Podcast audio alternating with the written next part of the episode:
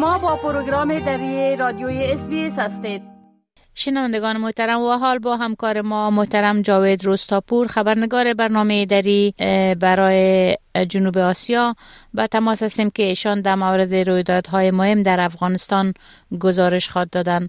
سلام آقای روستاپور خوب در آغاز می‌خوایم بپرسم که واکنش طالبا در مورد نشست سازمان ملل متحد چی بود؟ در این نشست چی موضوعات مطرح شد و جزیات خبر بیشتر چی است؟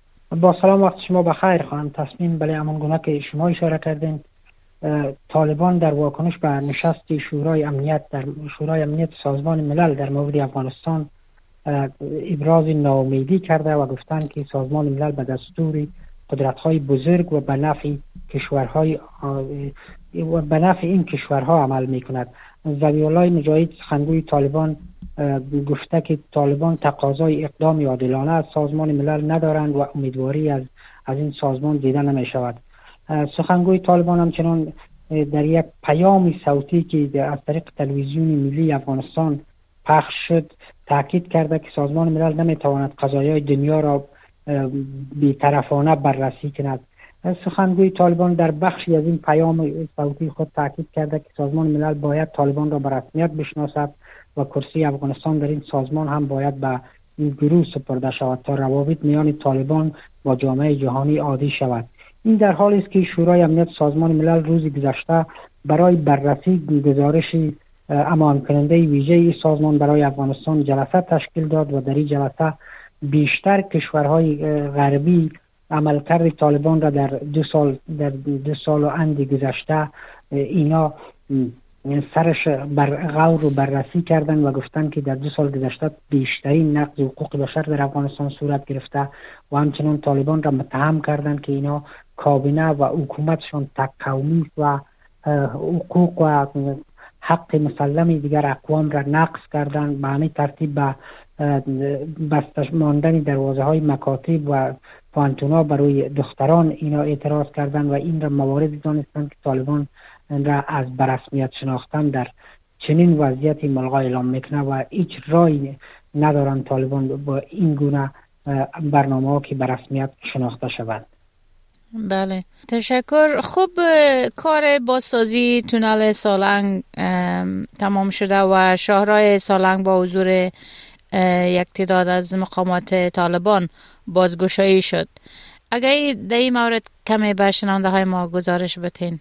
بله شهرهای سالن که چند ماه قبل به دلیل بازسازی روی رفت آمد وسایل مسدود شده بود طی مراسم صبح امروز با حضور ملا برادر معاون اقتصادی رئیس الوزرای طالبا گشایش یافت. آقای برادر در صحبتهای خود از ساخت یک تونل دیگر در این سارا در, در این شهرها در آینده نزدیک خبر داد و اضافه کرد که بازگشایی و بازسازی شارای سالنگ حجم داد ستد با حجم با, با سازی ای تونل یا ای شارا حجم داد ستد کشور افزایش می آود و تجارت میان افغانستان به ویژه و کشورهای آسیای میانه از طریق شمال افغانستان بیشتر خواهد شد. در بخش دیگری این نشست محمد ایسای ثانی سرپرست وزارت فواید عامه حکومت طالبان گفت که در بازسازی تونل سالنگ و گالری های آن تمام میارا در نظر گرفته شده.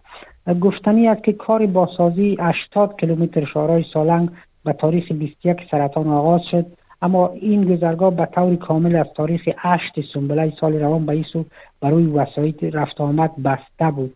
با بسته شدن این گذرگاه انتقال اموال تجارتی با وسیله موترهای تیلری به گونه کامل متوقف شد و مسافران به ولایت های شمال از راه خواک پنشیر و کتل شیبر که از طریق بامیان را دارد به ولایت های شمال رفت آمد می کردن و مشکلات را هم به بار آورده بود. به ویژه به دلیل اینکه این راه های بدیل موترهای باربری اندک می تانستن از بگذرند و به همین دلیل بالای مواد خوراکی در ولایت شمال تاثیر گذاشته بود.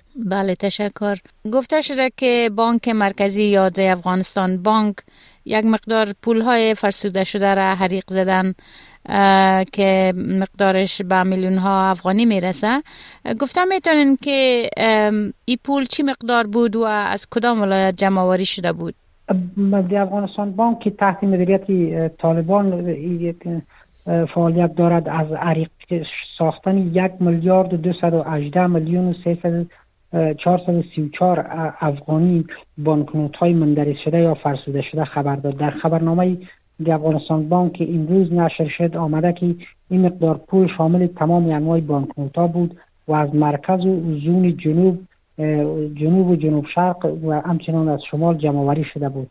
دی افغانستان بانک گفته که پول های مندرج شده طبق مفاد 39 و 42 قانون این بانک حریق می شود این در حالی که طی ماهای اخیر این چندمین بار است که افغانستان بانک از با آتش کشیدن پول های مندرج شده خبر می دهد ولی گزارش های وجود دارد که برخی از پول های مندرج شده و فرسوده شده را دوباره طالبان در بازار عرضه می‌کنند و معاش برخی پرسونلشان را از این می‌پردازند که این مشکل کلانی را برای مردم به وجود آورده.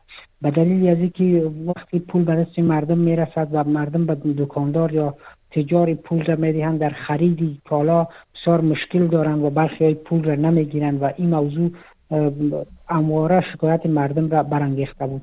طالبان تاکید کردند که جایگزین پول پول های بانکنوت های جدید توضیح شده در بازار و همچنان از مردم خواستند که در نگهداری و حفظ بانکنوت های جدید مسئول باشند. تشکر.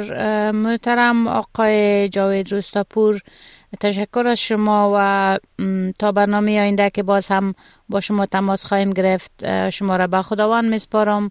روزتان خوش. روز شما هم خوش. خدا حافظ و ناصرتان. بپسندید شریک سازید و نظر دهید. اسپیس دری را در فیسبوک تعقیب کنید.